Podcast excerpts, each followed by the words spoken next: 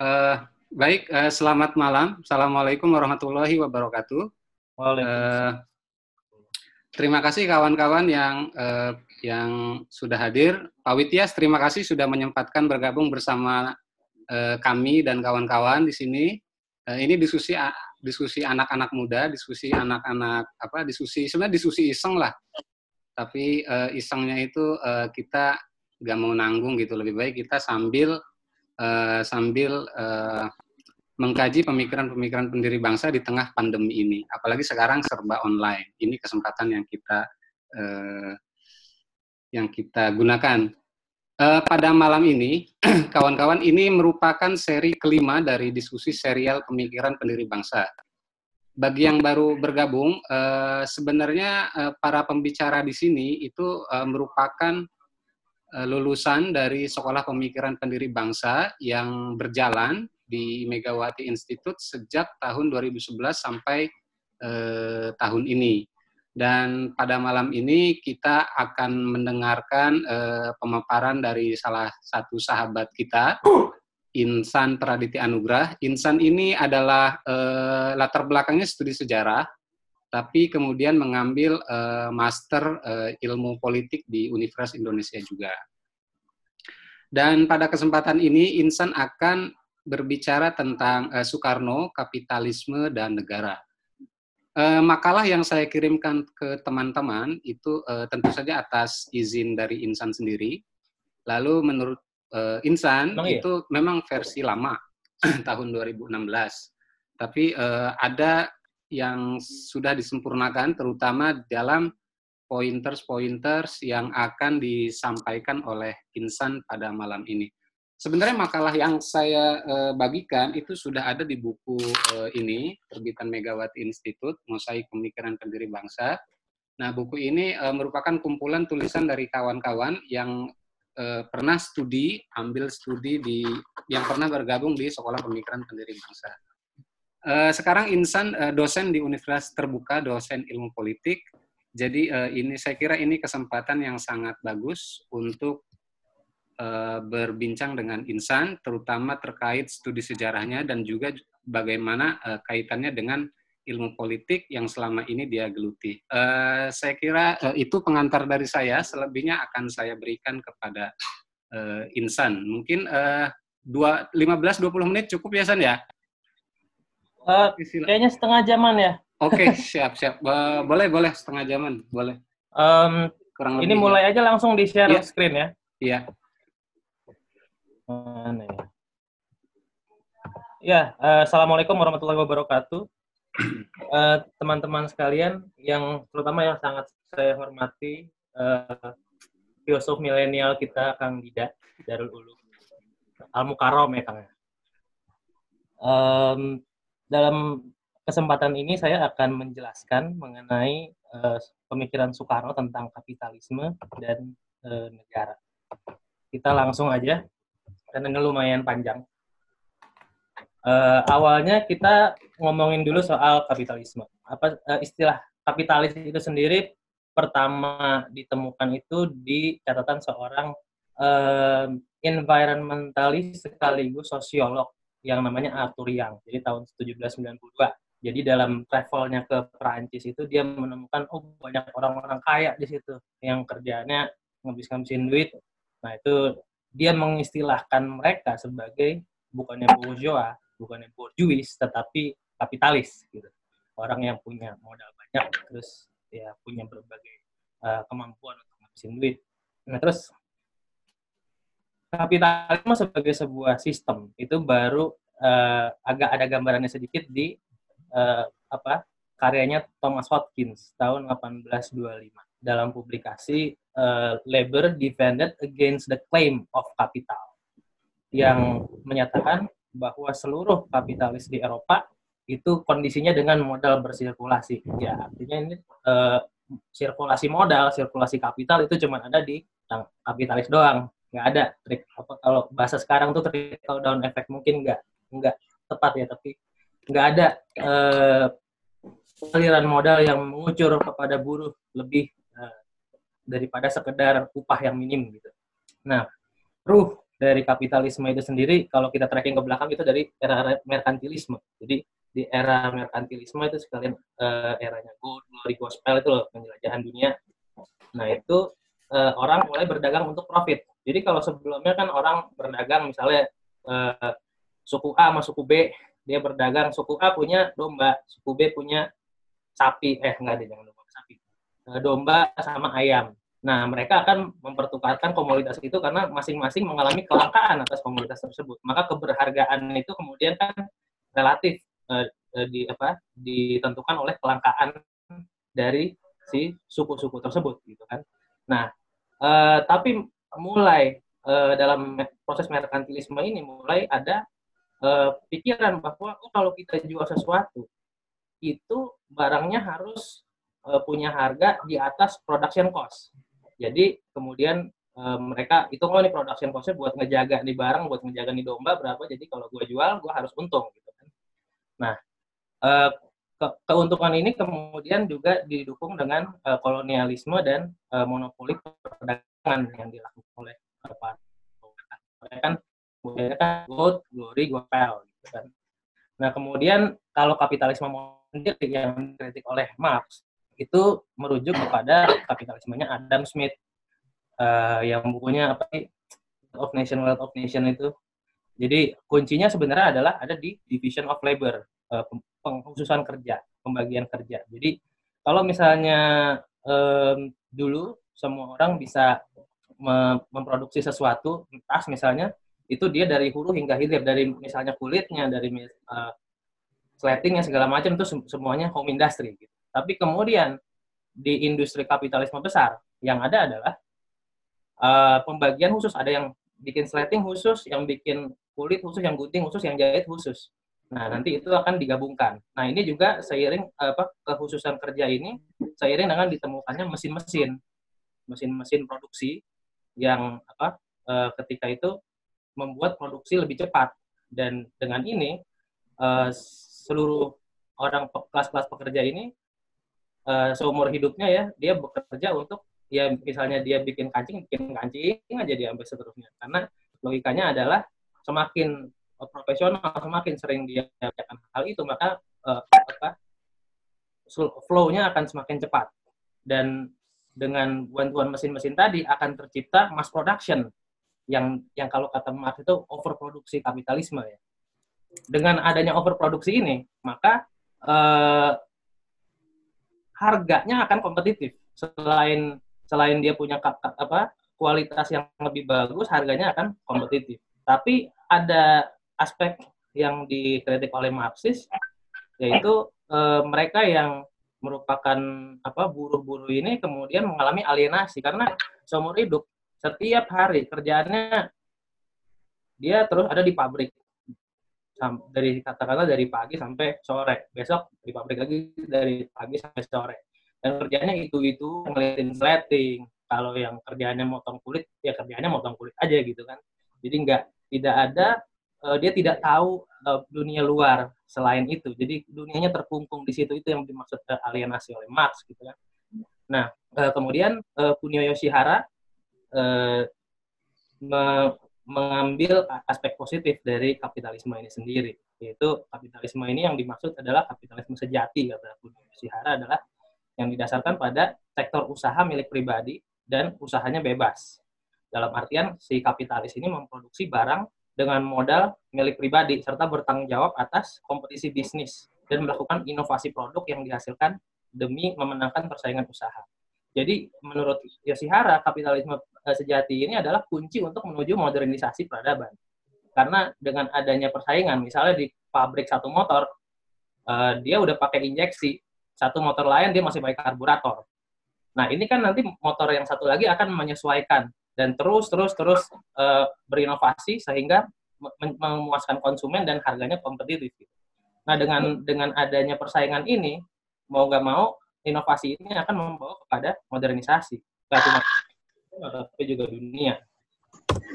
Nah, kalau ngomongin Soekarno sebagai seorang Marxis, uh, apa, ngomongin Soekarno sama kapitalisme, kita nggak bisa nggak ngomongin Marxisme. Karena uh, Soekarno sendiri mengatakan bahwa uh, Marxisme adalah pisau analisis paling efektif untuk membedah uh, peradaban manusia dan uh, dinamika politik yang ada. Jadi tahun 66 itu dia dua kali mengatakan bahwa saya adalah ya saya aku Marxis gitu.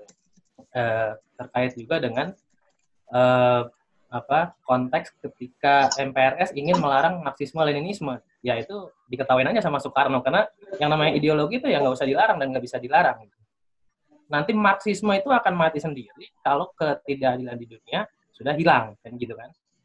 Nah kemudian eh, Soekarno ketika umur 16 tahun dia juga cerita kepada Cindy Adams ya di buku Soekarno dan penyambung rakyat itu.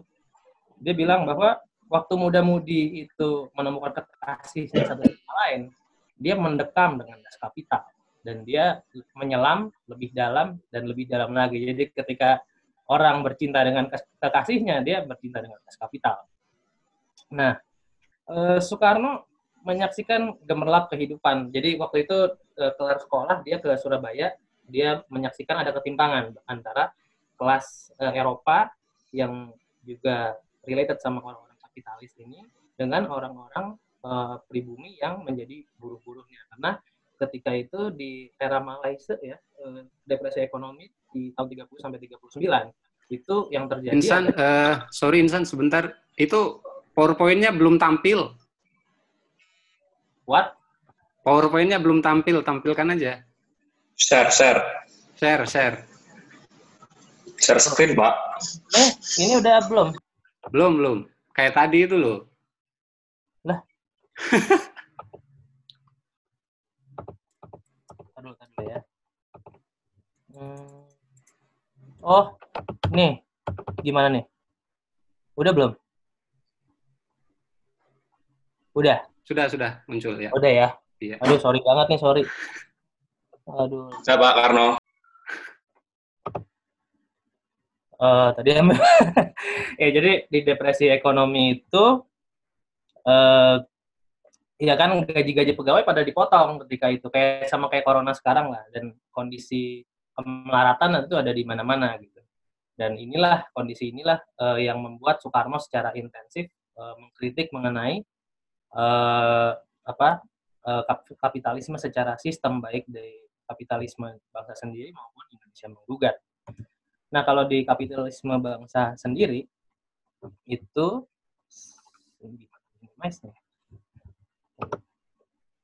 kapitalisme bangsa sendiri itu um, Soekarno bilang bahwa kapitalisme itu timbul dari cara produksi yang memisahkan kaum buruh dari alat-alat produksi. Nah, uh, dan kemudian uh, memunculkan sebuah konsentrasi kapital dan uh, Industrial Reserve Army. Jadi uh, dia memisahkan kaum kaum buruh yang tadinya punya tahanan sendiri, tapi dia uh, produk-produknya nggak bisa bersaing dengan produk-produk kapitalisme yang yang lebih baik dan lebih diproduksi massal dan lebih murah gitu kan. Jadi akhirnya dia mau nggak mau pada jadi buruh, ngantri jadi buruh. Ngantri jadi buruh ini karena alat-alat uh, produksi yang canggih-canggih kan di, di, dikuasai oleh para kapitalis. Nah, uh, penguasaan oleh para kapitalis ini membuat uh, orang populasi yang ada itu mengantri daripada dia bersaing sama kapitalis besar mendingan dia ngantri untuk menjadi salah satu buruh dari kapitalis ini sendiri. Uh, dan demand yang tinggi ini akan membuat uh, nilai mereka menjadi rendah dan upah mereka juga kemudian jadi rendah. Kemudian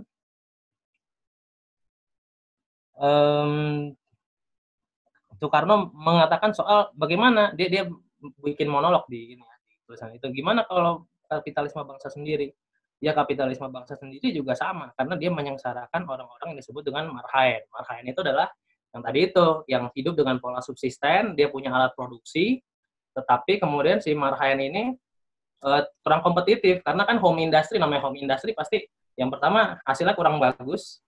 Yang kedua uh, tidak sebagus uh, apa flow apa yang dihasilkan oleh produk-produk kapitalis. Dan yang kedua adalah uh, dia pasti harganya lebih mahal kos produksinya dan kalau kita lihat di pidato berjudul Indonesia Menggugat, ini agak beda lagi. Tahun 30-an, saya tak lupa tahun 30 berapa ini ya. Yang jelas ini ketika Soekarno keluar dari, uh, bukan, dia mempertahankan dirinya di sidang, kalau misalnya ya. Jadi, di muka hakim kolonial, dia, dia bilang kalau yang dikritik oleh dia itu bukan bangsa asing, tapi sebuah cara produksi yang memisahkan buruh dari alat produksi. Dan uh, kapitalisme itu pula yang menyebabkan industrialisasi army yang tadi yang yang pengangguran tadi. Ini bisa kita lihat sebagai nggak tahu ya ini antara Soekarno emang belum mau relate sama identitas atau memang uh, cara retorika dia yang menyesuaikan dengan tensi politik ketika itu. Jadi dia tidak mau melibatkan permusuhan identitas gitu. Mungkin takut Belanda akan represif makanya dia berkata seperti ini itu masih perlu riset lebih jauh dan kemudian ada Marhaen Nah, kalau ngomongin soal marhaen, ini mereka beda sama orang proletar. Kalau proletar itu dia buruh. Buruh kerja sama orang digaji, gajinya minim. Kalau marhaenisme itu dia adalah itu yang disebut Soekarno ada tukang kaleng, tukang gerobak, ada pedagang kecil, pedagang asongan, e, ada juga orang petani kecil, ya itu kan marhaen itu yang yang disebut oleh Soekarno itu dia punya e, lahan kecil, dia punya apa sih cangkul dan dia uh, bisa menggarap sawahnya dan hidup secara subsisten. Subsisten itu artinya memenuhi kebutuhan dirinya sendiri dan kemudian sisanya dijual di pasaran. Nah, uh, ini yang yang diinginkan Soekarno. Jadi setiap orang merdeka atas dirinya sendiri dan memiliki dan menguasai alat produksi itu sendiri, tidak ter, tergantung pada uh, kapitalisme. Nah, di To Build the World Anew, ini dia udah agak-agak otoriter ya, eh, demokrasi terpimpin. Itu Soekarno mulai melibatkan eh, mulai melibatkan dosa-dosa kolonialisme dan ke kemajuan-kemajuan bangsa yang dicapai dari eksploitasi dan uh, bagaimana bangsa-bangsa baru ini ingin bangkit. Jadi mulai ada identitas-identitas bangsa yang di, di apa didengungkan di sini seiring dengan uh, semangat Soekarno waktu itu bikin Nevos, All Devos itu tahun-tahun 50-an akhir ya, uh, New New Emerging Forces. Kalau All Devos itu uh, Old Established Forces, Old Established Forces itu negara-negara barat, pas negara-negara kolonial itu. New Emerging Forces itu yang baru-baru merdeka.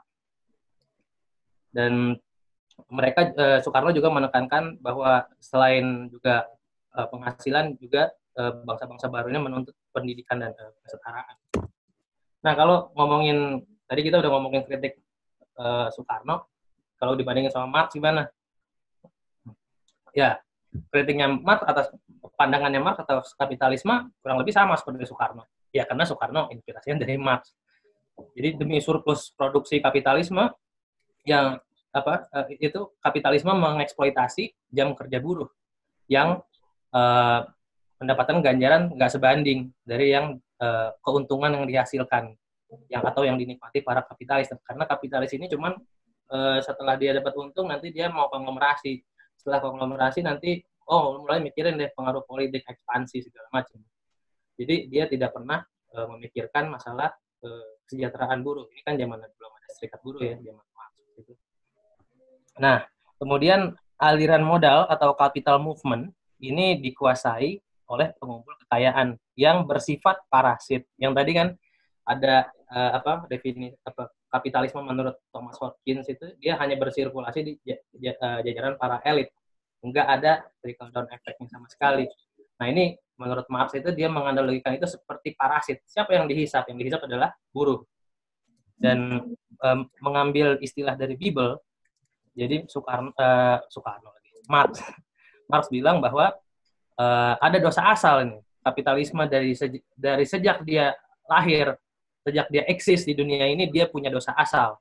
Apa itu ya? Ini memisahkan uh, apa membuat masyarakat feodal yang tadinya subsisten uh, punya alat produksi sendiri dan sekarang dipisahkan karena ada moda produksi kapitalisme di mana ada sentralisasi kapital, ada penguasaan alat produksi.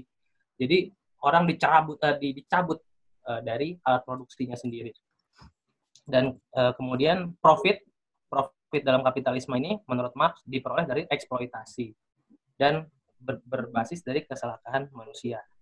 eksploitasi ini dimungkinkan karena uh, alat produksi ini hanya dikuasai oleh kapitalis. Itu ya tadi yang kita ngomongin uh, penguasaan alat produksi yang kata Soekarno juga dan industrial reserve army atau pengangguran karena uh, mereka uh, buruh jadi harganya murah karena mereka tidak menguasai alat produksi sama sekali semuanya ada di industrialis. Uh, nah sekarang kita bandingin bagaimana Soekarno dari segi pemikiran sama kebijakan politiknya. Saya sempat membaca Dekon. Dekon itu Deklarasi Ekonomi tahun 63. Udah lama sih waktu ngerjain skripsi tahun 2014. Um, tapi agak sulit ya menangkap program-program secara konkret karena itu isinya adalah uh, menghapuskan kapitalisme, mengedepankan humanisme, gotong royong segala macam. Kecuali uh, ada ada dua aspek yang penting yaitu uh, membatasi perdagangan internasional dengan negara-negara maju dan menekankan uh, perdagangan dengan negara-negara yang baru merdeka.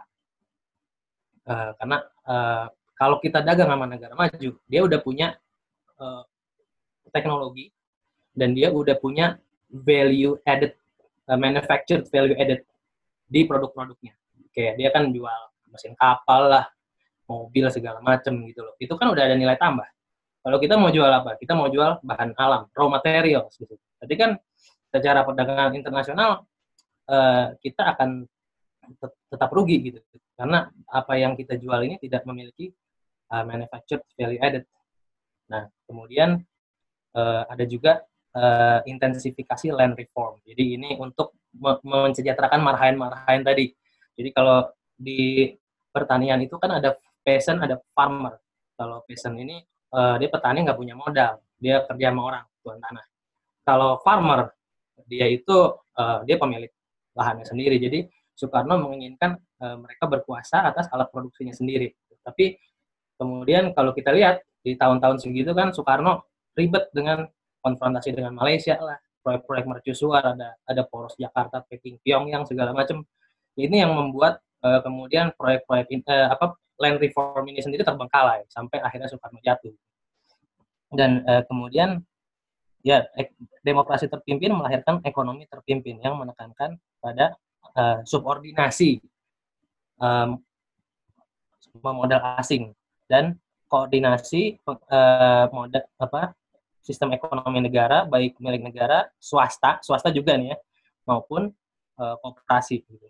dan apa modal modal asing di sini dianggap sebagai bagian dari imperialisme makanya disubordinasi. Dan kemudian uh, dan dihindari semaksimal mungkin.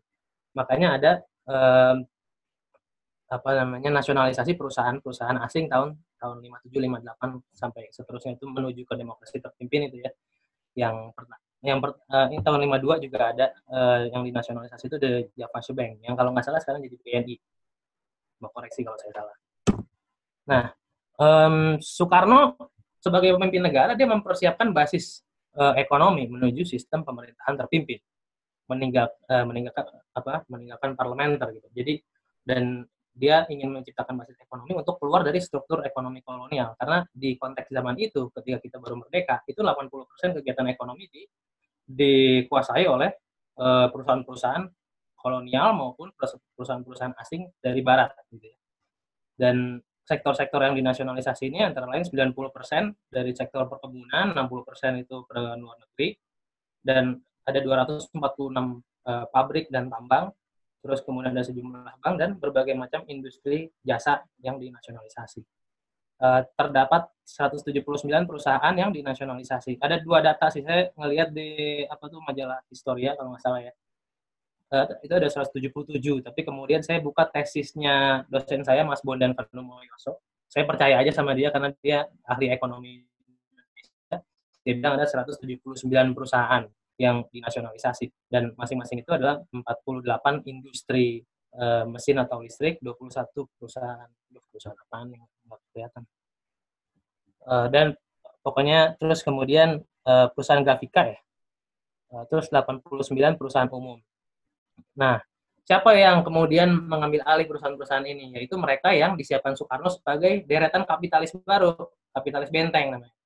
Itu di, di dalam program benteng, e, mereka mendapat e, salah satunya ya, salah satu bisnisnya yaitu kemudahan izin impor. Karena dulu kebanyakan uh, bisnis-bisnis yang bisa di di apa dijalankan oleh orang kita kalau nggak jasa, jasa misalnya kayak pelayaran, transportasi udara atau impor, impor mobil, impor motor gitu. Jadi dulu belum ada perakitan di Indonesia apa segala macam itu belum pada konteks zaman itu belum ada. Jadi tidak ada proses manufacturing di Indonesia gitu. Jadi makanya ini lebih mengarah kepada uh, izin impor dan um, di sini apa sih yang dimaksud perusahaan lokal yang memperoleh konsesi tersebut? Yaitu yang 70% eh, sahamnya dikuasai oleh modal pribumi. Pribumi loh, bukan WNI ya. Nah, ini karena uh, nanti akan dijelaskan kemudian ya.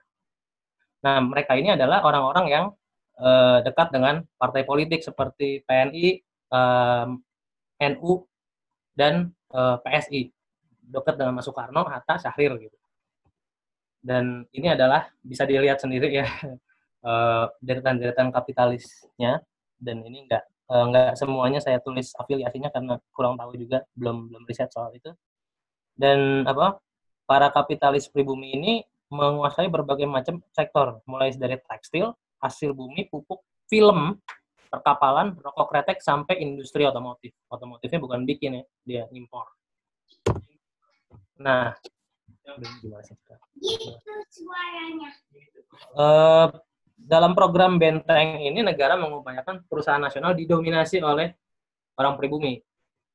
Karena apa? Kenapa harus orang pribumi bukan WNI?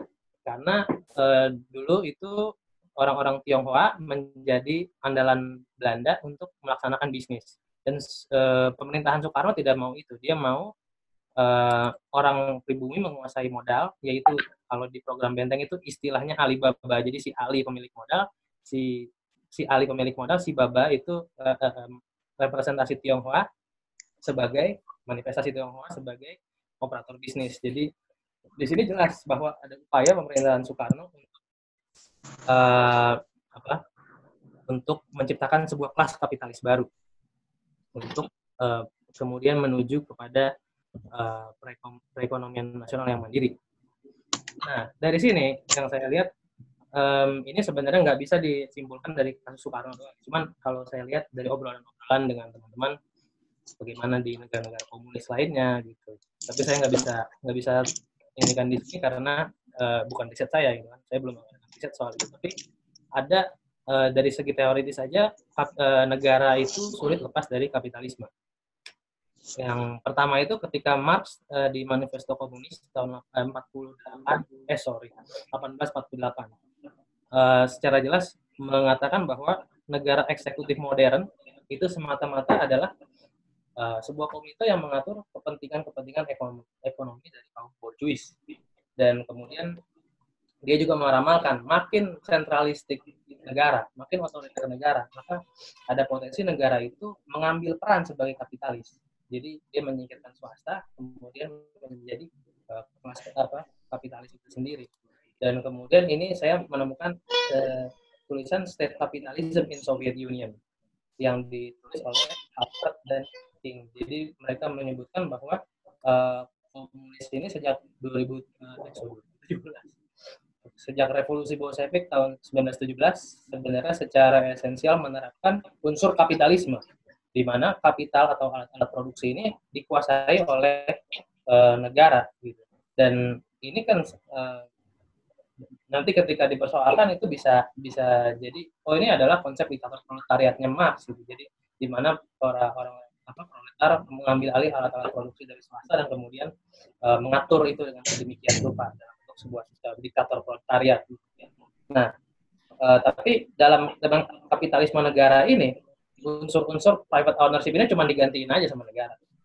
Digantiin sama pemodal. Negara menguasai alat-alat produksi dan menjalankan akumulasi kapital dengan sistem pembagian kerja, distribusi upah buruh, hierarki yang sama dan kapitalisme privat.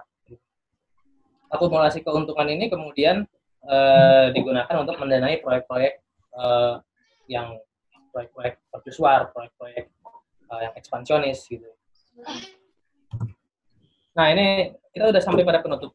Jadi eh, Soekarno ini adalah seorang negarawan dan kalau kita lihat dari bagaimana dia tumbuh, uh, menggunakan pisau analisis Marx itu dalam konteks yang jauh berbeda dengan nggak jauh berbeda tapi berbeda dengan Marx. Kalau Marx itu kan ada di Eropa, ada penindasan borjuis dan buruh. Kalau di sini dia menyaksikan ada kolonialisme, ada identitas melibatkan identitas uh, kebangsaan di situ di mana orang-orang Barat bertindak sebagai kaum bourgeois, kaum kaum borjuis itu uh, menindas orang-orang uh, yang ya pekerja-pekerja itu kan rata-rata orang-orang pribumi semua. Gitu. Nah, um, kemudian Soekarno tidak bisa menerapkan Marxisme secara ideal seperti yang diterapkan oleh Marx itu. Karena um, Marx itu bukanlah seorang negarawan. Jadi meski mengkritik sistem, Soekarno itu pada praktiknya menand, uh, ingin menandingi hegemoni-hegemoni negara di dunia dengan uh, kapitalisme uh, tandingan. Gitu. Jadi secara praktik uh, seperti itu, tetap ada akumulasi kapital yang dibutuhkan untuk uh, mendanai proyek-proyek yang uh, apa dibutuhkan untuk membangun sebuah kekuatan negara gitu karena uh, itu dibutuhkan. Kayak, kayak anggaran daerah aja kan otonomi daerah itu nggak ada tanpa penguasaan anggaran daerah gitu. sesimpel itu. Dan kemudian Soekarno sebagai seorang Marxis uh, banyak memproduksi narasi-narasi uh, anti kapitalisme senada dengan premis Marx. Tapi uh, sebagai negarawan uh, sulit untuk menerapkan itu seperti halnya Marx memandang uh, kapitalisme dan uh, yang terakhir mungkin kapitalisme kalau sebuah negara itu nggak bisa jauh dari moda produksi kapitalisme. Dan kalau nggak ada moda produksi kapitalisme, uh, maka modernisasi akan berjalan lambat. Bayangin kalau semuanya itu home industry, semua itu uh, nggak mass production, maka uh, flow flow apa produksi-produksi tersebut tidak akan sebanyak sekarang dan ketersediaan uh, komoditas mungkin tidak bisa mengimbangi populasi. Ya sekian presentasi dari saya. Ini ini kan uh, sifatnya apa pemantik diskusi. Sekaligus juga saya ingin eh, teman-teman uh, untuk uh, mengoreksi ataupun menambahkan pemikiran-pemikiran baik dari uh, sisi filosofi maupun dari uh, sisi fakta-fakta sejarah gitu. Karena um, apa saya rasa masih banyak yang ruang untuk di develop di tulisan ini. Siapa tahu Megawati Institute mau akan mencetak ulang dan ini. Jadi sudah ada perkembangan. Enggak tulisan yang dulu-dulu juga tanpa perkembangan dicetak lagi dicetak lagi. Ya sekian dari saya. Assalamualaikum warahmatullahi wabarakatuh. Silakan kang.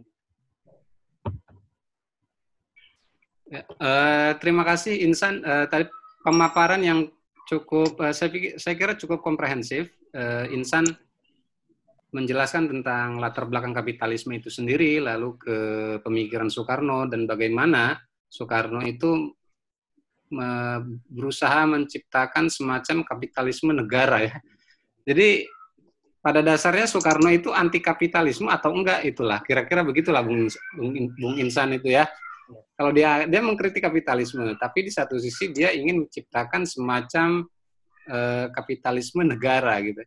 Terutama pada tahun tadi disinggung sama Insan juga pada tahun ya sekitar 1950-an eh, tepatnya mungkin dari 1957 itu kan ada terjadi nasionalisasi besar-besaran oleh Bung Karno, lalu juga eh, ya sebenarnya banyak eh, perusahaan-perusahaan yang di di apa namanya ditempati yang ditempati oleh orang-orang yang sebenarnya di antaranya setahu saya itu eh, semacam para tentara dan lain sebagainya ya dan puncak-puncaknya sih eh, semacam krisis ekonomi krisis ekonomi yang ujungnya ya puncaknya pada tahun 1965.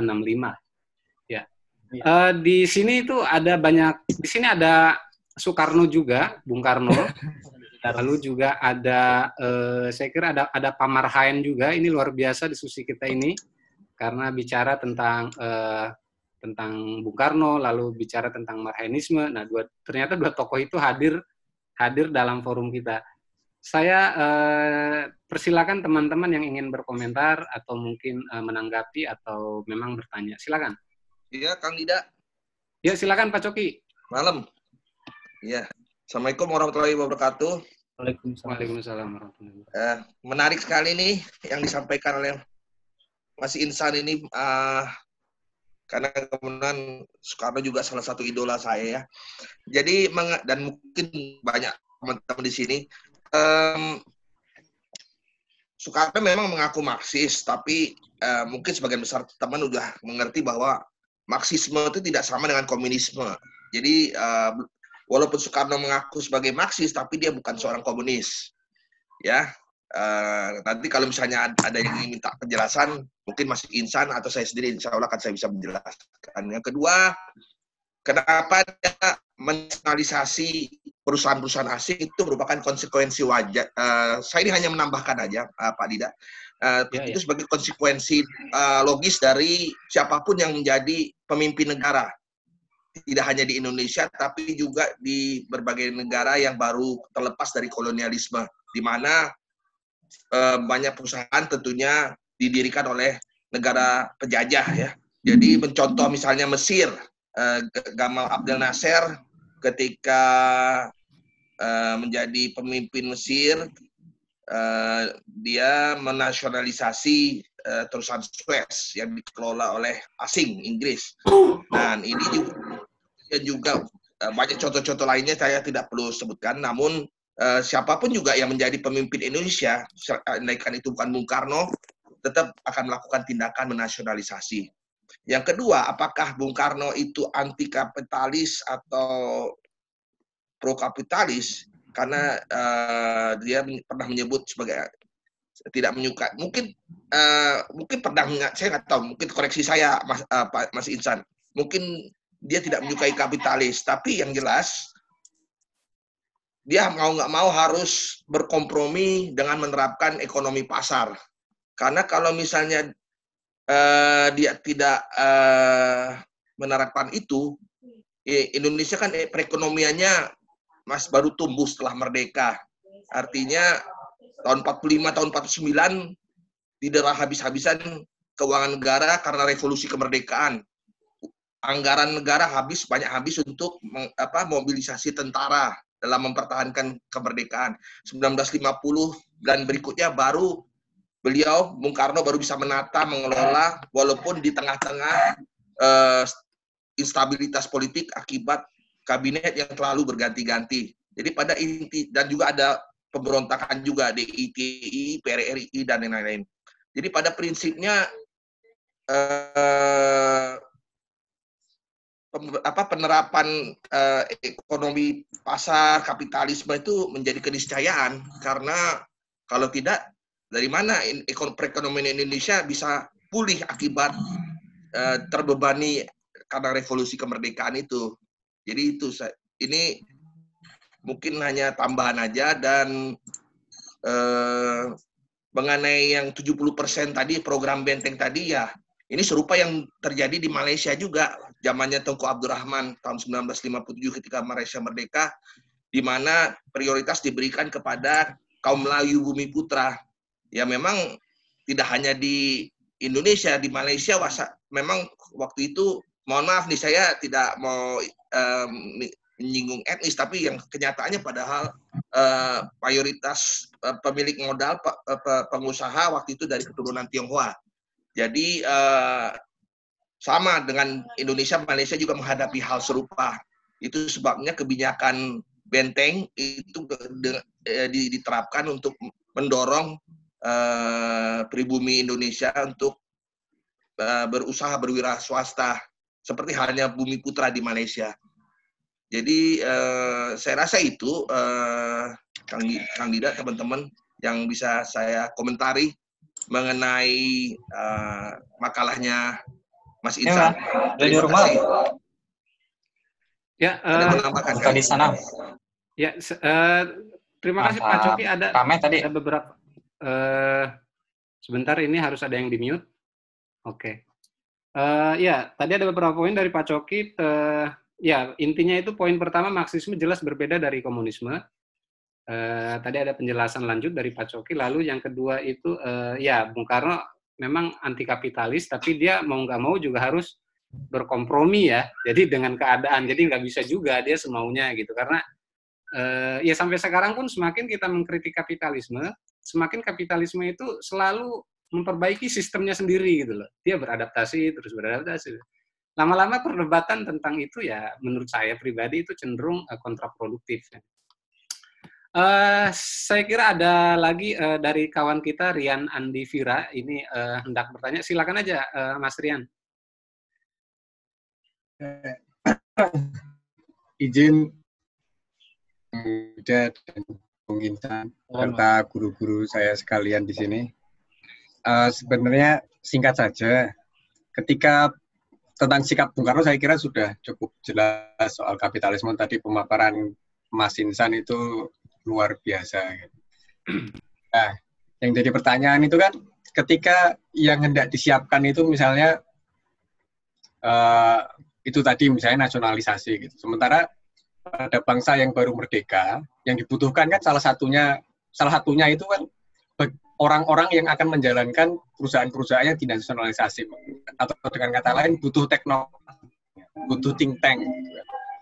Nah, uh, kira-kira karena orang sejarah mohon maaf uh, ada nggak sih uh, think tank yang sudah disiapkan Bung Karno yang saya yang sejauh ini uh, soal nasionalisasi tersebut itu kan soal pada saat itu yang kemudian pada tahun 50-an di, diduduki oleh militer yang kemudian menjadi salah satu sumber kekuatan militer pada tahun-tahun uh, tapi selain itu barangkali ada nggak sih think mumpuni untuk menjalankan perusahaan-perusahaan itu. Kalau misalnya memang jadi kan misalnya tiga itu 600 persen pada tahun uh, 65-an itu yang kemudian ada peristiwa itu uh, kira-kira mismatch-nya di mana gitu itu satu gitu terus kemudian yang kedua uh,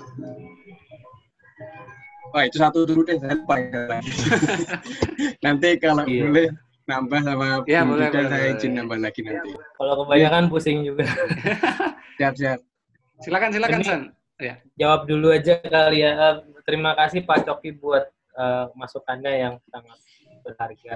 Ya, itu Malaysia salah satu contoh yang, uh, yang ya, memang menggambarkan tren ketika itu ya penuh dengan apa uh, emansipasi nggak cuma kolonialisme tapi juga ada isu-isu rasisme di situ karena uh, beberapa etnis tertentu di, di apa, dipercaya oleh kolonial untuk menjalankan bisnis gitu. dan kalau dari Mas Rian uh, secara think tank saya uh, ini belum riset lagi karena uh, saya sebenarnya tidak apa, kurang meriset mengenai bagaimana uh, lembaga think tank di orde lama tapi ketika saya riset tentang orde baru uh, saya sempat ketemu Pak Menteri Perindustrian uh, era Soeharto namanya Rahardi Ramlan. Kebetulan tetangga saya di sini. Uh, dia bilang ketika zaman Soekarno itu dia lagi muda-mudanya dia lagi dipercaya untuk membuat proyek-proyek yang gede banget. Yaitu mulai dari apa uh, ada yang buat proyek uh, roket, proyek dan ada juga yang buat proyek uh, mobil sebagai semacam mobil nasional dari dulu. Cuman uh, saya tidak mendapatkan apa uh, informasi bagaimana uh, think tank grand design-nya Soekarno ketika itu di, di apa di ada think tanknya gitu dari grand design uh, uh, statecraft-nya Soekarno itu saya belum menemukan itu. Uh, tapi uh, kalau masalah ke apa kelas kapitalisme yang kemudian gagal, uh, ini juga sebenarnya pembentukan kelas kapitalis kita bisa bilang gagal sampai sekarang. Karena sampai sekarang, ya kalau pakai kacamatanya Kunio Yoshihara, yang ada di Indonesia itu semua adalah ersas kapitalisme. Mereka adalah kapitalis palsu. Karena apa? Mereka adalah ya itu tadi bisnisnya jual produk orang lain jadi sales. Dia uh, apa jual produk orang apa Suzuki lah, Yamaha lah, ada apa Timor itu kan sebenarnya Kia segala macam gitu. Atau misalnya uh, itu yang bedain adalah ketika orde baru ada production plan dan katanya mau ada alih teknologi yang dilakukan oleh uh, apa oleh industrialis luar kepada industrialis di sini. Cuman ini tidak pernah terwujud hingga sekarang dan uh, anehnya di Malaysia terwujud. Dia bisa bikin uh, produk sendiri kayak semacam mobil nasional bahkan motor nasionalnya juga ada ada SM segala macam gitu dan uh, apa di Indonesia ini sampai sekarang. Karena kalau kita lihat program-program bentengnya Soekarno itu kayak orang-orang kayak Wahab Afan uh, orang-orang kayak uh, Hashim Ning Dasaat itu kan sebenarnya mereka yang nadah nadahin ini aja nadahin tangan ketika ada konsesi. Dan kebetulan mereka ada pengalaman bisnis sebelumnya gitu. Dan uh, mereka bukan kapitalis yang industrialis yang merintis bahwa oh kita bikin produk ini produk ini cara memasarkannya begini begini uh, production plan-nya begini begini begini itu nggak ada nggak ada sama sekali jadi kapitalis kita adalah kapitalis instan yang dibuat dari yang yang dibuat dari konsesi dan sebagaimana dari konsesi itu dia cuma bertindak sebagai calok dan itu uh, yang saya tahu sampai sekarang itu seperti itu. Ya, sementara itu dulu. Oke, uh, di sini juga ada ada Soekarno yang mungkin dia uh, ingin menggugat pemaparan dari insan. Karena dia bawa-bawa Soekarno, jadi uh, Bung Karno ini uh, bangkit ya dari gugur. Silakan, Bung Karno.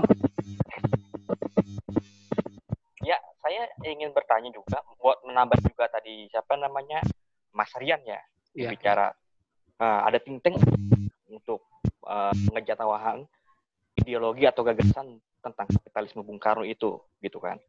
Nah, saya juga agak heran ini. Ketika ada Bung Hatta juga memiliki konsepsi ekonomi yang benar-benar real dibanding Bung Karno, tapi tidak menjadi suatu kolaborasi yang menarik antara Bung Karno dengan Bung Hatta. Mata itu dia uh, apa namanya real kan dia kan. Jadi ekonomi rakyat ya benar-benar rakyat. Kalau Bung Karno itu gagasan bukan suatu saya yang empirik yang yang dipraktekkan gitu kan. Bukan bukan seperti itu. Malah ketika insan menyebut ekonomi benteng itu kan yang bikin itu kan kalau nggak salah ya Pak Sumitro ya kan? Pak Sumitro Joyo Kusumo kan waktu itu kan. Ekonomi benteng Pak Sumitro terus apa sih nasionalisasi juga beliau nggak salah ya. Cuma kan Pak Sumitro ini juga Nah, ini menarik nih. Pak Sumitro ini dengan uh, apa namanya? Kabinet-kabinet yang lalu atau kabinet-kabinet setelahnya uh, mengenai ekonomi ya, dia juga saling melempar kritik antara misalkan Sumitro dengan Sarifudin Parawinegara atau apa namanya eh, kabinet Burhanuddin Harahap yang soal gunting Sarifudin itu kan dikritik habis-habisan oleh Sumitro kan. Nah, terus uh, itu juga tentang apa namanya nasionalisasi The Javanese Bank.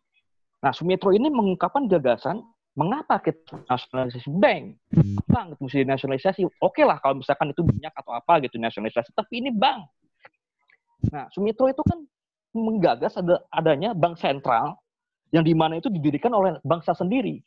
Nah, seperti kayak yang sekarang ini kan BNI ini kan bikinan Pak Sumitro kalau nggak salah ya. BNI BNI ini Bank Nasional Indonesia dan itu menjadi bank sentral malah BI yang dari Belanda jadi nasionalisasi itu maksudnya apa gitu?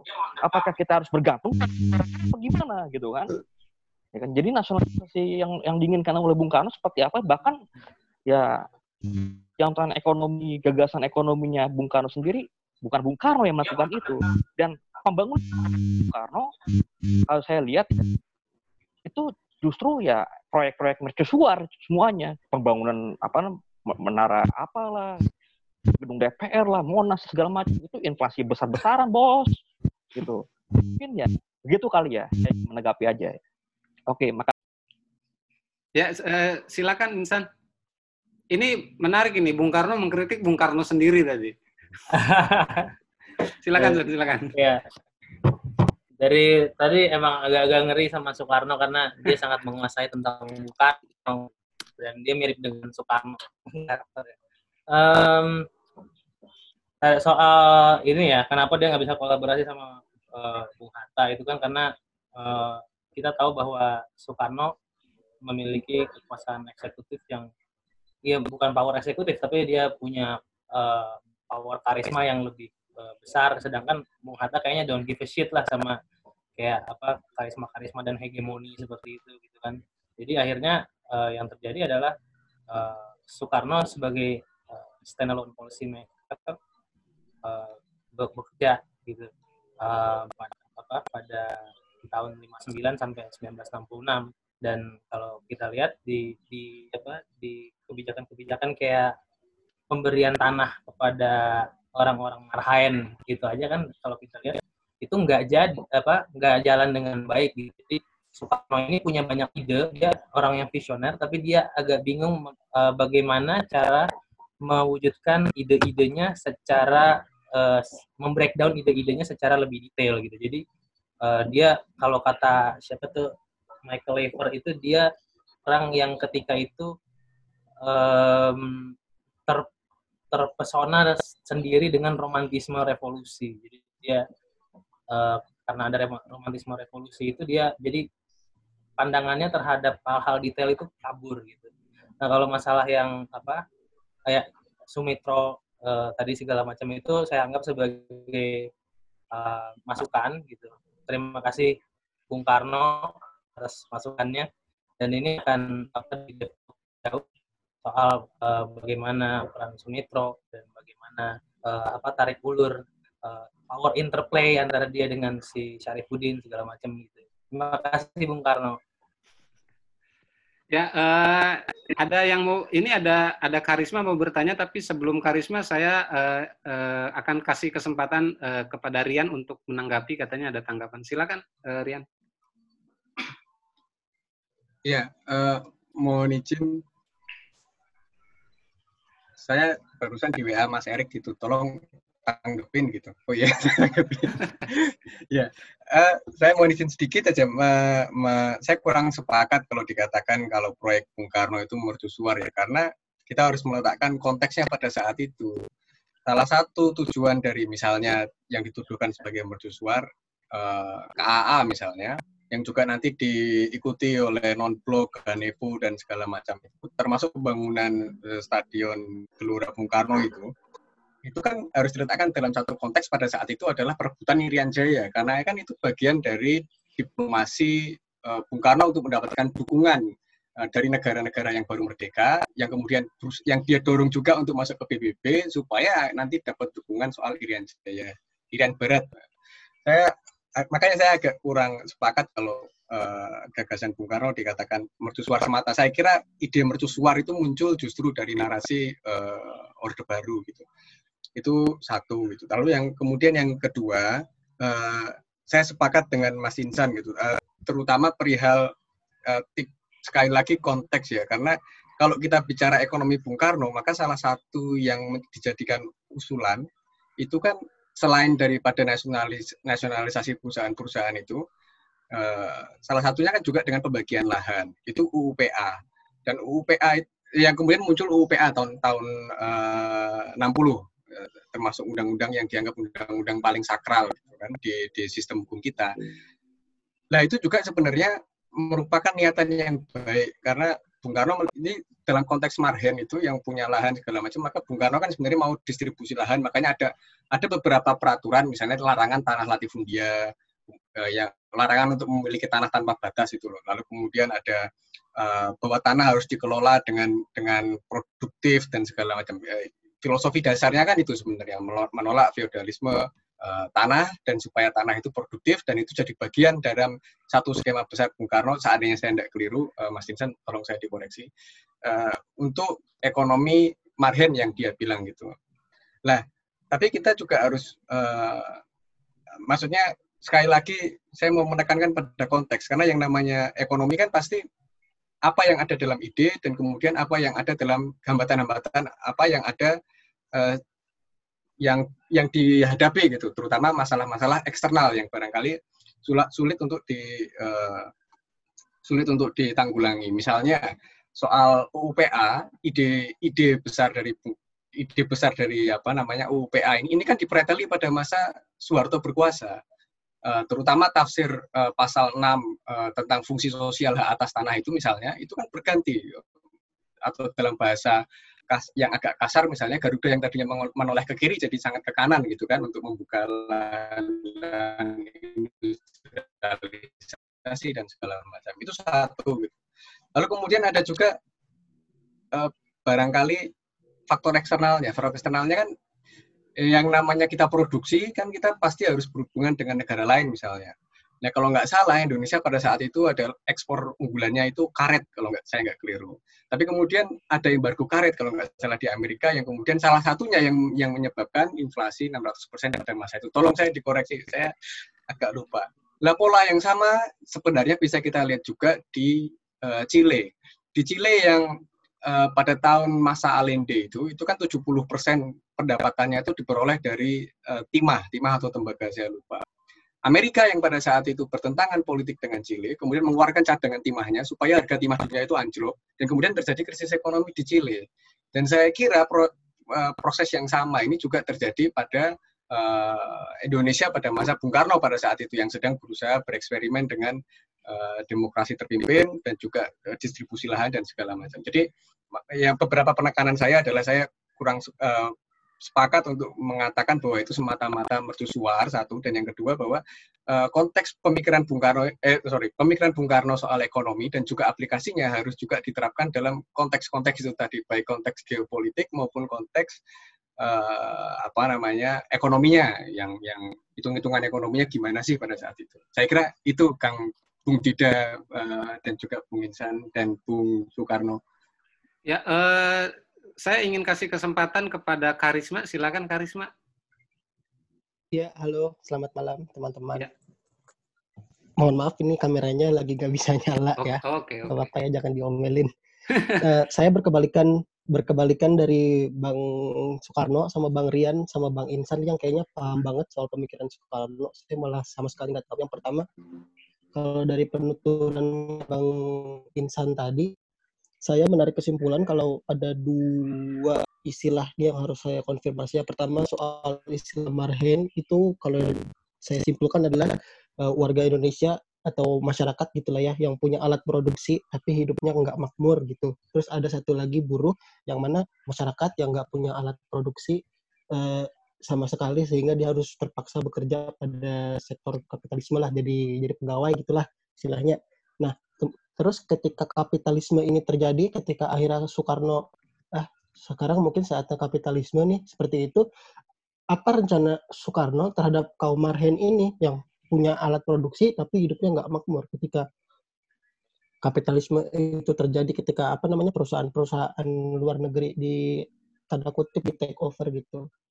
Seperti itu. Kemudian itu yang pertama. Yang kemudian yang kedua eh, kalau tadi di di presentasi awal banget gitu di disebutkan kalau Soekarno itu pahamnya Marxis gitu kan ya. Nah, ketika kapitalisme ini akhirnya dia mau supaya mungkin ini saatnya kita melakukan kapitalisme, lobby-lobby apa yang terjadi di di di, di apa ya di, di lingkar terdalamnya sehingga akhirnya dia berusaha mengesampingkan ideologinya terus dia tanda kutip melunak seperti itu.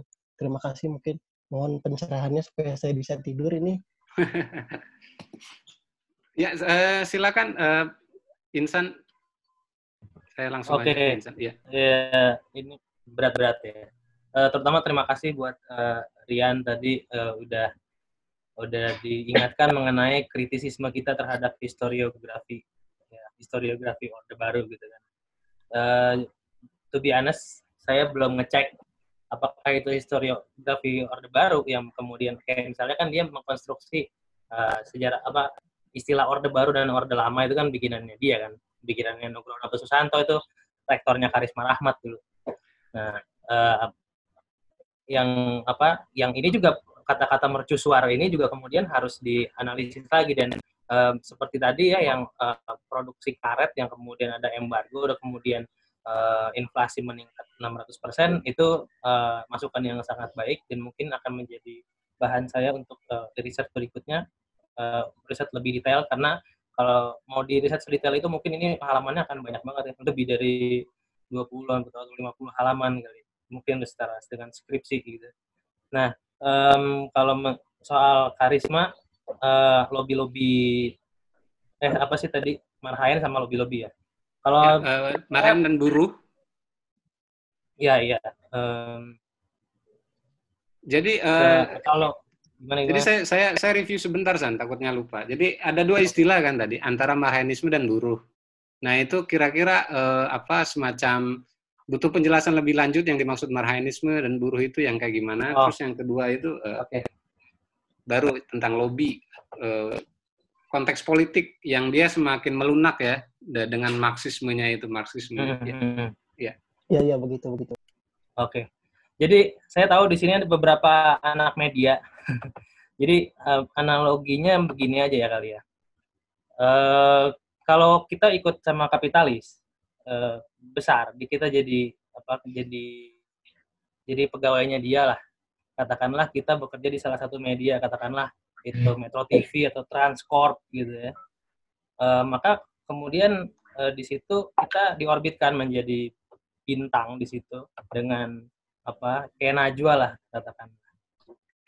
Nah itu kan alat-alat produksinya banyak dan itu itu posisi kaum proletar ya Najwa sebenarnya ketika dia kerja di Metro dia masih kaum proletar tuh ya karena dia masih bergantung pada alat produksinya Metro TV gitu karena uh, dia juga uh, apa kameranya dari Metro TV, lightingnya dari Metro TV, yang bayar krunya Metro TV itu kapitalis gede. Hmm. Tapi ketika dia marhain, dia adalah youtuber-youtuber itu yang apa kadang-kadang dia ngemodal cuma punya satu kamera lightingnya juga terbatas kadang-kadang cuma pakai sinar matahari kayak gitu gitu kan nah dengan eh, dengan seperti itu dan dan yang terutama yang membedakan adalah sarana kalau zaman sekarang sarana promosi ya kalau di di konglomerasi media sekarang itu kan medianya integrated misalnya si Metro punya beberapa media-media lain satu kali kita nongkrong di layarnya dia, itu muncul di berbagai macam medianya dia dan dibahas mungkin di uh, misalnya dia punya radio,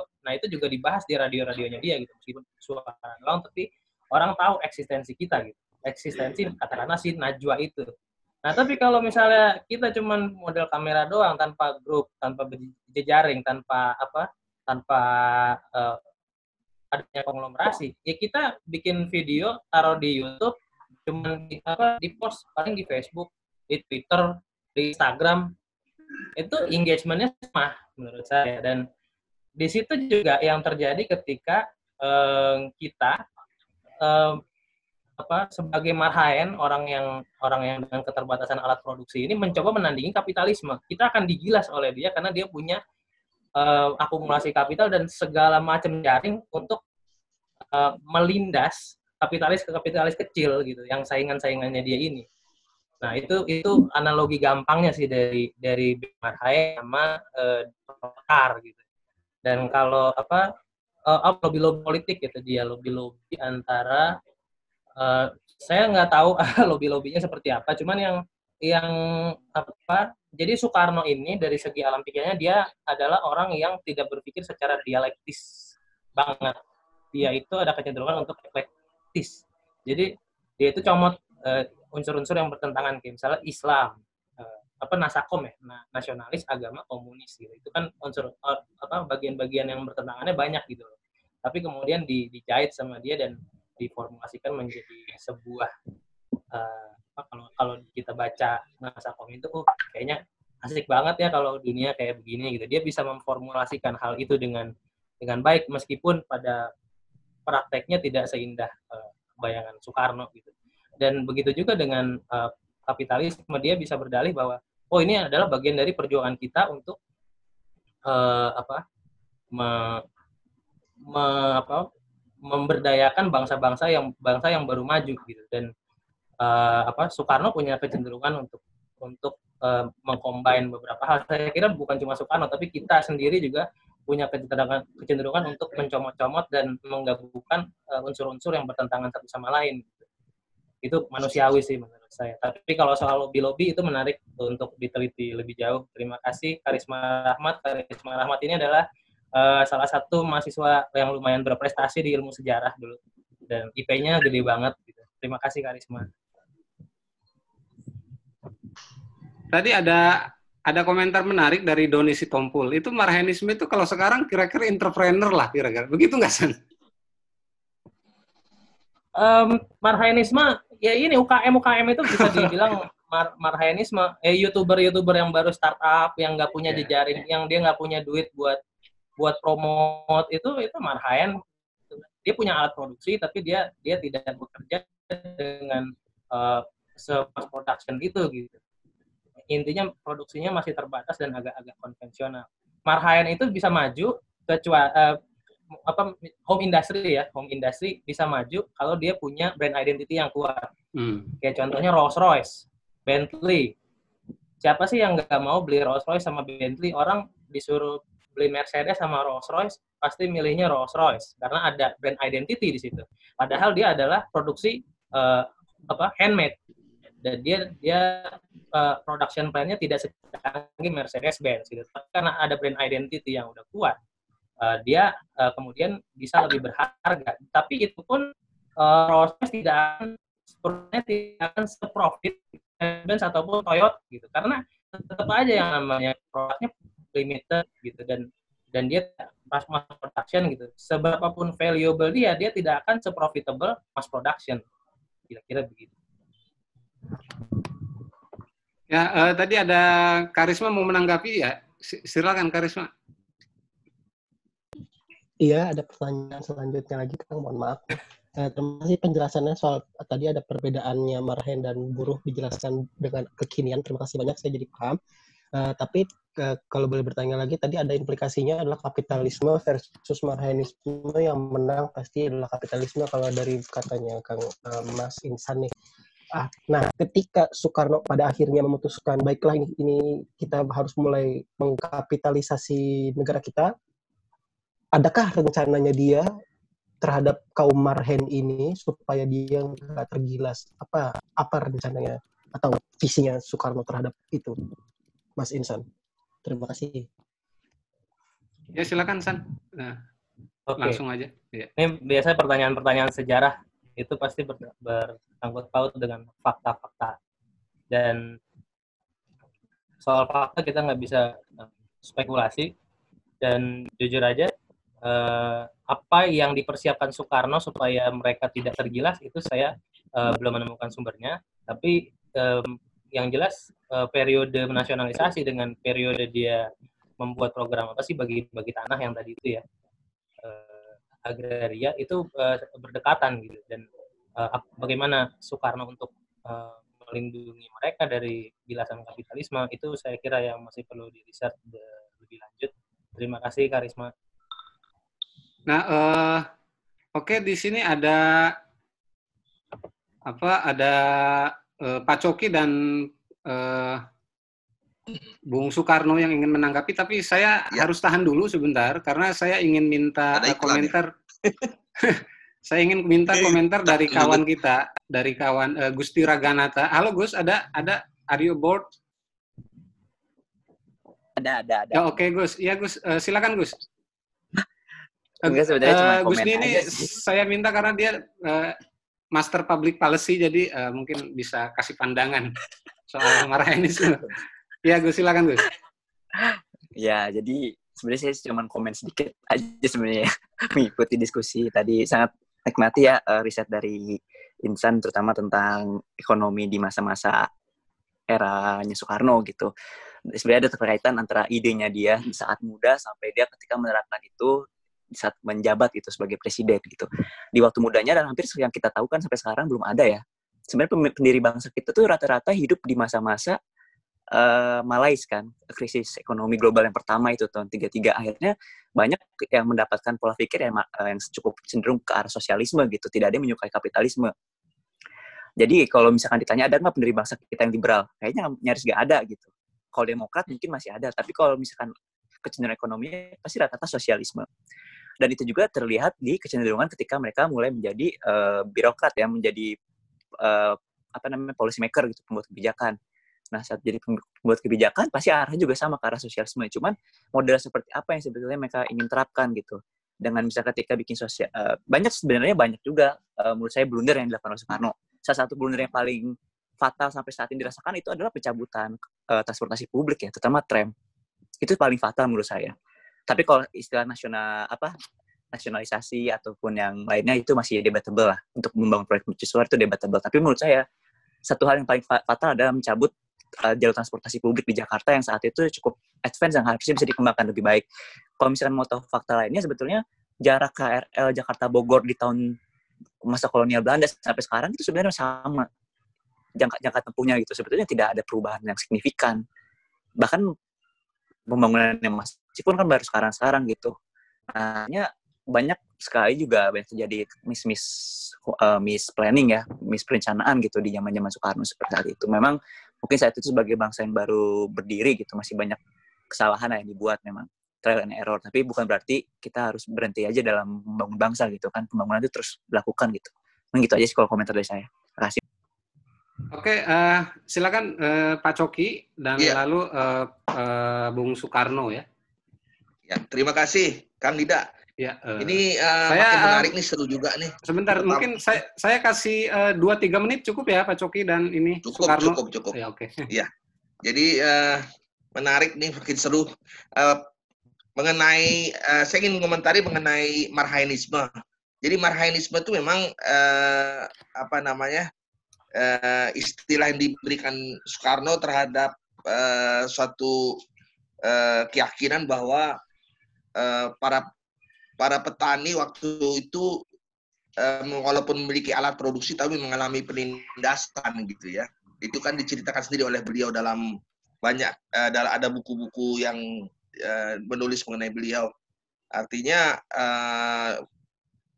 yang berkuasa waktu itu adalah pemilik-pemilik modal yang punya yang yang punya kekuatan untuk menekan para petani. Jadi hasil tani harus diserat, dijual ke mereka seperti tengkulak dan yang lain-lain. Yang kedua mengenai uh, ekonomi saat itu, saya berpikir bahwa Bung Karno ini kan mengusung konsep konsep trisakti, di mana salah satunya adalah ekonomi berdikari. Jadi semua yang dilakukan oleh Bung Karno pada saat itu adalah untuk um, mewujudkan Indonesia yang berdiri di atas kaki sendiri. Artinya nasionalisasi itu merupakan salah satu langkah konkret yang diambil oleh Bung Karno. Jadi uh, nasionalisasi itu hanya dilakukan terhadap cabang-cabang produksi yang menguasai hajat hidup orang banyak, termasuk di bidang pertanian seperti tadi disebut oleh uh, beberapa teman mengenai karet dan yang lain-lain.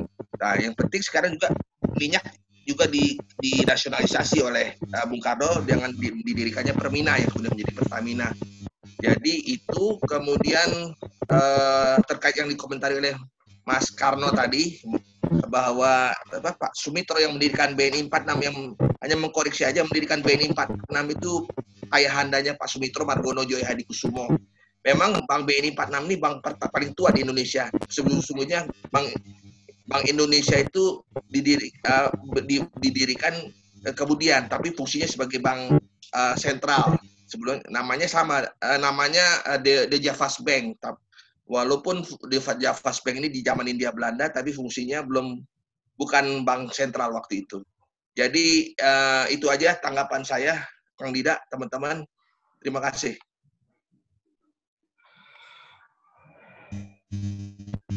Silakan Bung Karno ya.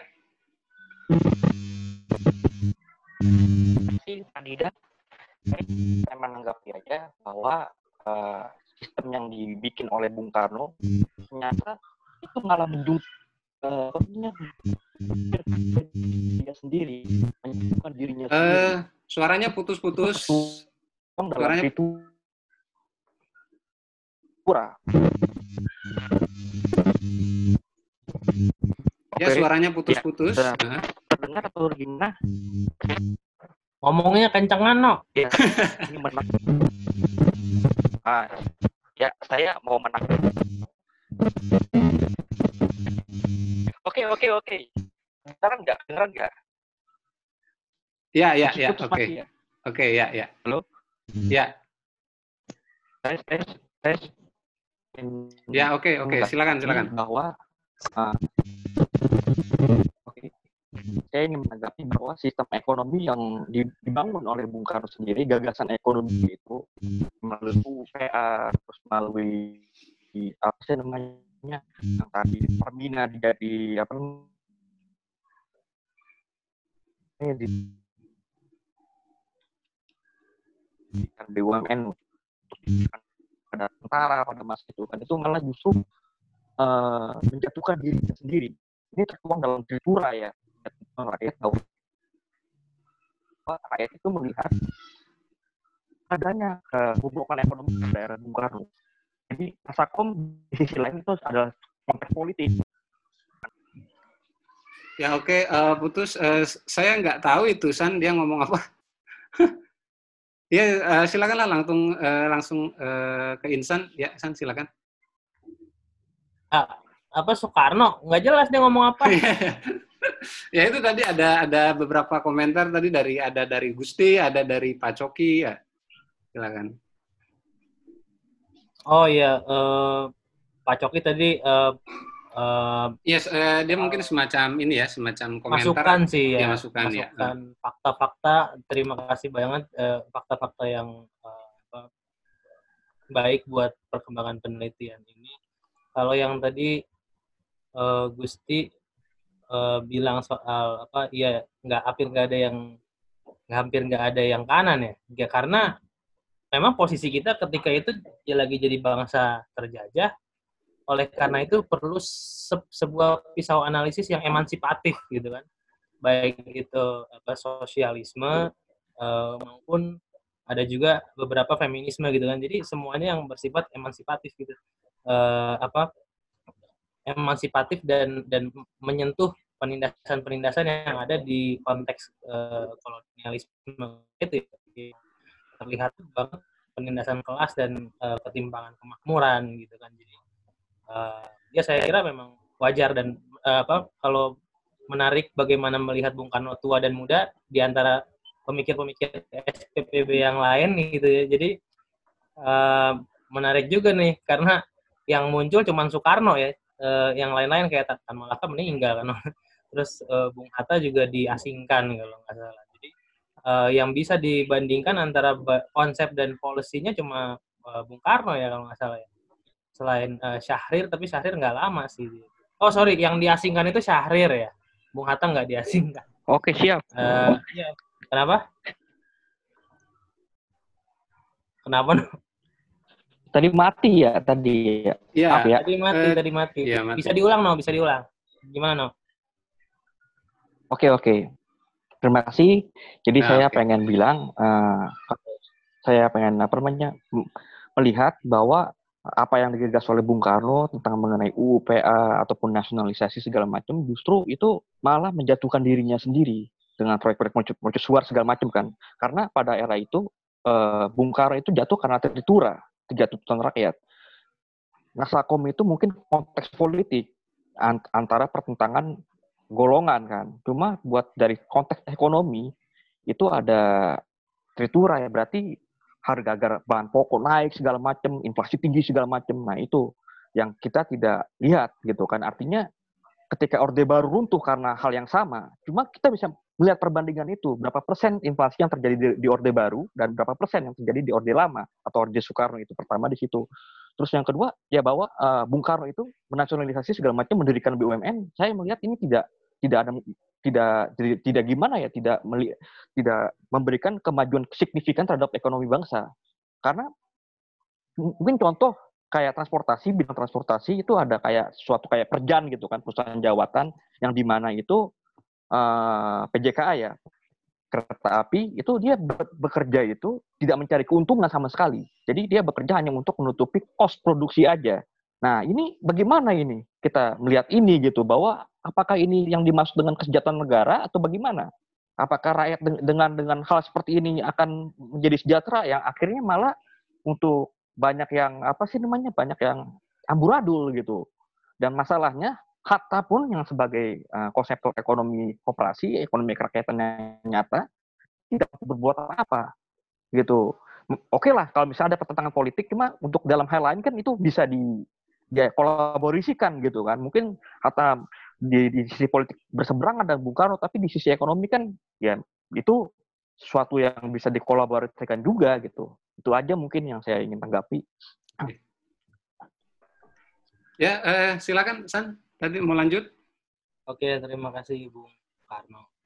Uh, mungkin ada satu poin yang saya tertarik untuk menanggepin uh, uh, BUMN BUMN itu segala macam ya. Jadi uh, BUMN BUMN yang ada yang tadi itu uh, diserahkan kepada orang-orang uh, yang sebenarnya uh, kurang bukan kurang kompeten, tapi emang kita nggak punya sumber daya ketika itu untuk uh, mengelola uh, bisnis-bisnis yang advance semacam itu karena uh, orang-orang yang punya gelar sarjana aja bisa dihitung gitu kan. Dan orang dulu uh, ketika era kolonial dia punya pendidikan dari HIS Holland School dan kalau nggak salah uh, atasnya lagi tuh setara SMP itu udah udah luar biasa gitu. Jadi uh, banyak juga dulu kan pegawai-pegawai BUMN yang tingkat-tingkat uh, apa semacam uh, direktur direktur nah itu itu sebenarnya juga uh, pengalaman bisnisnya kurang itu ada yang dari militer dan dari militer pun ada yang macam-macam. Ada yang dari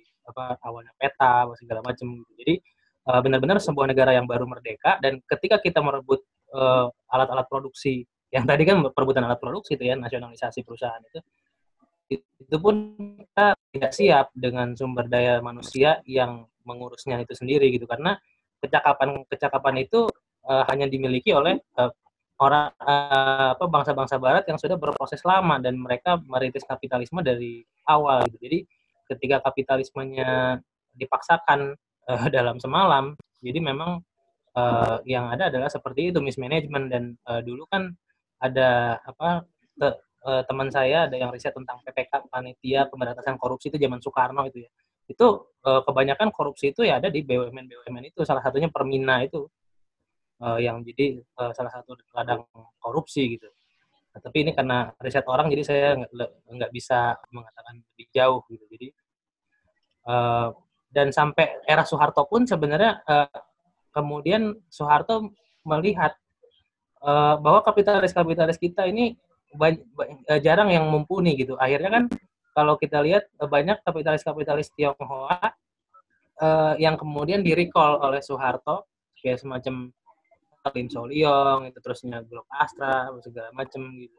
Itu kan uh, ada recall kalau kita lihat oh zaman Soekarno orang-orang Tionghoa dipinggirkan tapi kemudian di recall lagi untuk mengurus bisnisnya Orde Baru gitu. Jadi uh, apa memang orang-orang kita tidak orang-orang yang dalam tanda kutip dikatakan pribumi itu uh, cenderung tidak memiliki kecakapan bisnis ataupun mengelola BUMN.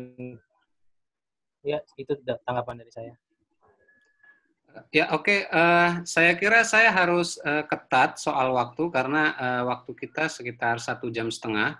Tapi saya ingin kasih satu kesempatan kepada Angga Sukmara yang uh, dari tadi belum pernah uh, memberikan komentar. Silakan Angga Suk Angga Sukmara.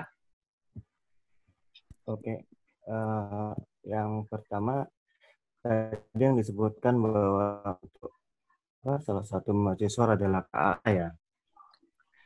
Uh, saya mau menanggapi itu. Bahwa KAA kalau saya pandang adalah bukan salah satu suatu proyek mahasiswa sebenarnya. KAA adalah sebagai respon dari SIATO, Southeast Asia Treaty Organization yang dibentuk oleh Amerika untuk menghalangi hegemoni dari uh, Blok Timur. Lalu uh, mengenai BUMN. Untuk kesiapan mengenai BUMN yang acak kadut lah bisa kita bilang amburadul itu kan kita sebagai suatu negara yang baru merdeka kan sedang mempersiapkan itu semua eh, komponen-komponen untuk mematangkan perusahaan-perusahaan yang kita nasionalisasi atau yang kita dirikan waktu itu. Kalau saya pandang waktu itu ada istilahnya Madin, mahasiswa ikatan dinas. Mereka yang dibiayai oleh negara, yang itu ada dibuatkan film surat dari Praha. Hmm. Uh, para mahasiswa ikatan, ya? Hmm. Ah, ya, ya. Uh, salah satu yang saya kenal itu kan adalah ini. Mereka yang kuliah di Eropa Timur lah khususnya itu, para mahasiswa-mahasiswa ikatan dinas ini, yang mereka di dikasih beasiswa kuliah luar negeri untuk belajar teknik. Mereka kembali uh, memiliki ilmu-ilmu seperti salah satunya nuklir, arsitek, dan sebagainya. Banyak mereka yang dikuliahkan itu untuk kuliah-kuliah ilmu-ilmu teknik. Tapi ketika kepemimpinan berubah ke zaman Soeharto, mereka tidak bisa pulang dan tidak bisa mengabdi. Banyak sekali mahasiswa-mahasiswa ikatan dinas Madin ini yang tidak bisa pulang karena dimerahkan. Ini salah satu uh, memang konsekuensi politik. Uh, itu yang bisa saya tanggapi salah satunya.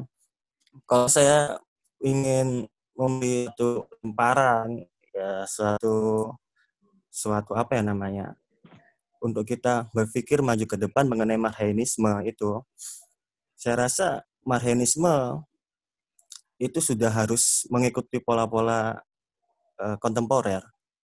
Seperti mungkin bisa tidak lagi berpatok pada apa namanya yang tadi disebutkan bahwa petani yang memiliki alat dan sebagainya tanahnya sendiri. Saya sepakat bahwa tadi disebutkan mungkin bisa juga adalah UKM mereka yang memiliki gerobaknya sendiri jualan sendiri tanpa setoran ke pemilik modalnya. Jadi memang agak susah uh, untuk ngomong marhenisme pada isu-isu kontemporer hari ini. Karena apa ya tantangannya pun juga berbeda dari generasi ke generasi. Itu menurut saya. Oke. Ya uh, saya kira uh, silakan San uh, mungkin sekaligus penutup ya San ya karena uh, diskusi ya. kita sangat terbatas waktunya. Uh, sebentar Pak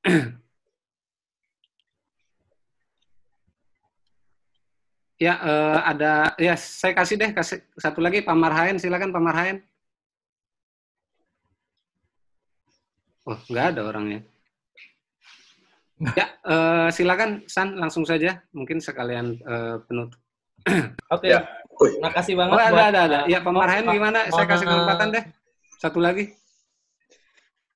Ya, terima kasih uh, Kang Dida Iya, sama-sama. Saya mohon maaf nggak ngikuti diskusi dari awal. Saya tadi ada apa kerjaan.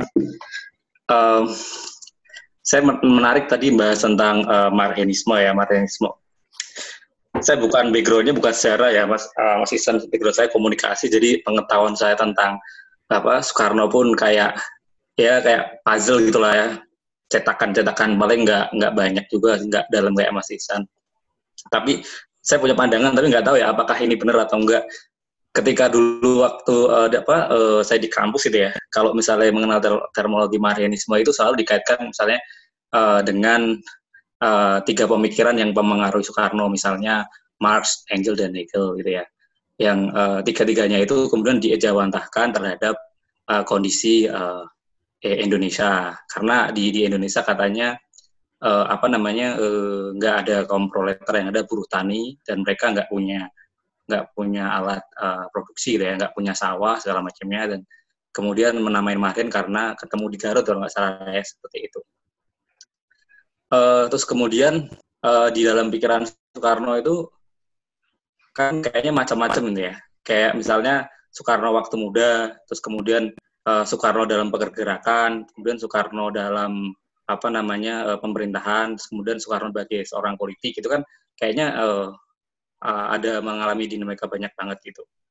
Tapi saya juga menarik tadi apakah sebenarnya uh, Soekarno itu justru mengadopsi benar-benar kayak misalnya konsep uh, sistem kapitalisme state yang apa yang saya baca sepintas di dalam uh, apa bukunya itu ya. Saya kok agak sedikit uh, apa namanya nggak tahu ya kurang kurang uh, kurang wawasan tentang hal itu itu karena uh, kalau misalnya saya uh, yang saya tangkap tentang ekonomi misalnya ekonomi berdikari Soekarno itu kan uh, Soekarno ya konsepnya sama sih sebenarnya nasionalisme gitu ya nasionalisme aset segala macamnya.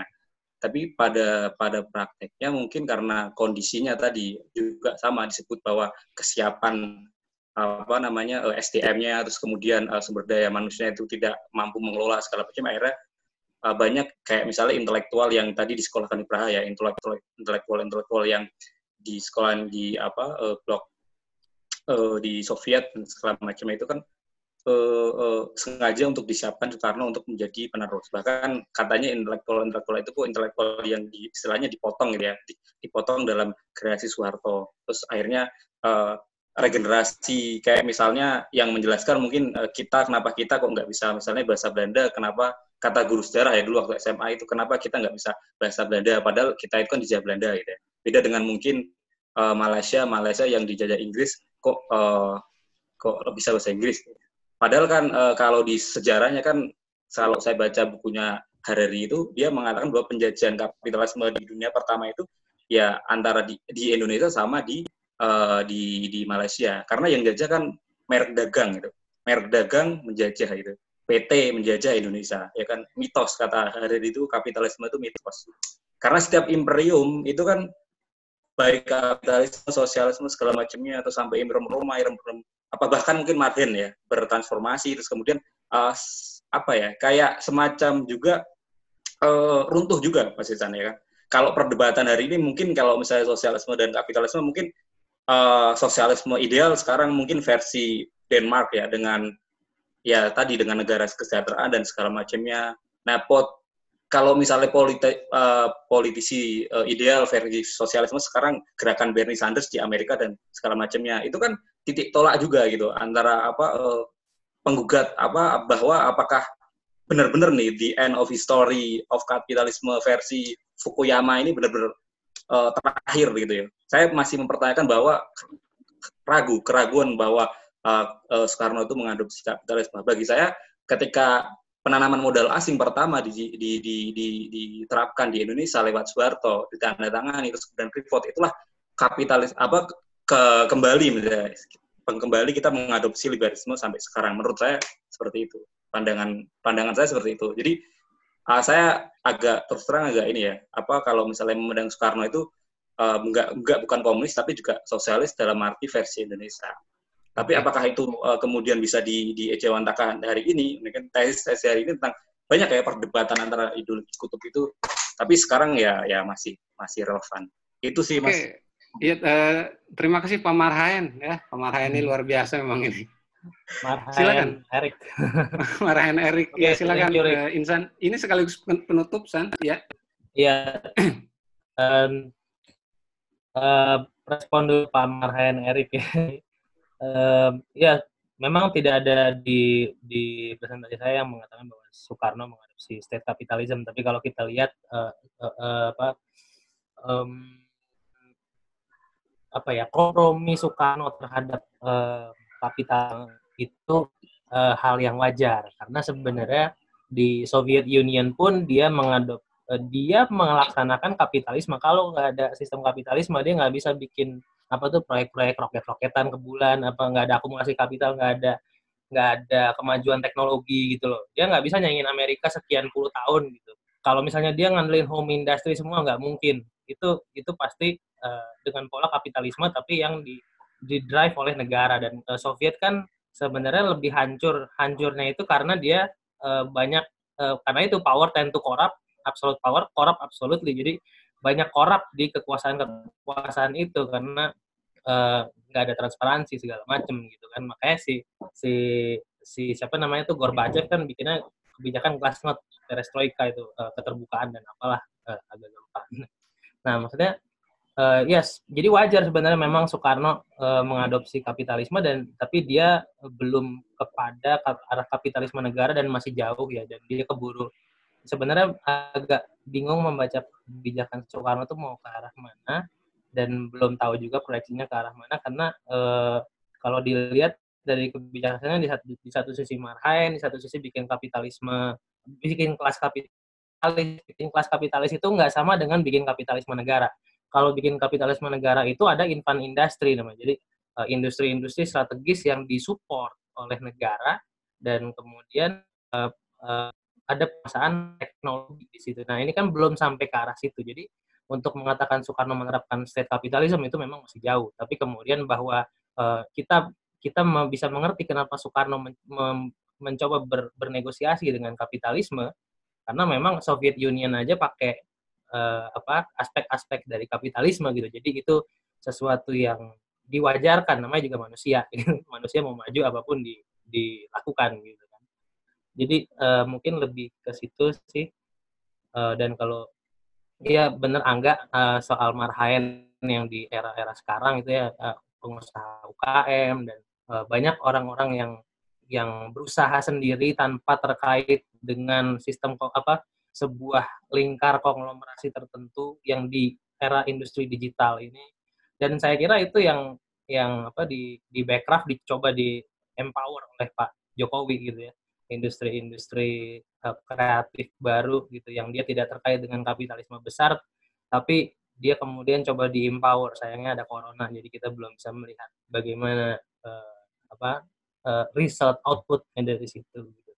Uh, terima kasih kepada teman-teman yang sudah datang. Ini banyak dari uh, sejarah UI, dari politik UI, dan teman-teman Megawati Institute dari berbagai dan juga Mas Rian ya dari apa dari kajian memori studies yang mengingatkan saya soal pentingnya uh, mengkritik historiografi Orde Baru mengenai istilah proyek mercusuar gitu. Karena saya hampir lupa bahwa itu adalah uh, uh, historiografi Orde Baru yang dibuat oleh Nugroho Susanto. Dan ini perlu kita kritik gitu. Apakah benar Soekarno proyek-proyeknya mercusuar atau ini adalah narasi dari Soeharto? Nah, eh, terima kasih eh, kepada semuanya, terutama juga eh, Al Ustadz tidak Darul Ulum, Al Mukarram kita ya. Eh, ya, sekian dari saya. Assalamualaikum warahmatullahi wabarakatuh. Ya, uh, terima kasih Insan. Kita beri tepuk tangan kepada Insan di rumah masing-masing ya. Ya, ya. Uh, luar biasa. Satya, yang... makasih banget udah datang. Ibe, makasih udah datang. Uh, dan uh, terima kasih kepada teman-teman yang sudah berkenan hadir. Terima kasih Mas Isan. Dan terima kasih Erik, terima kasih Mega, Mas uh, Cindia.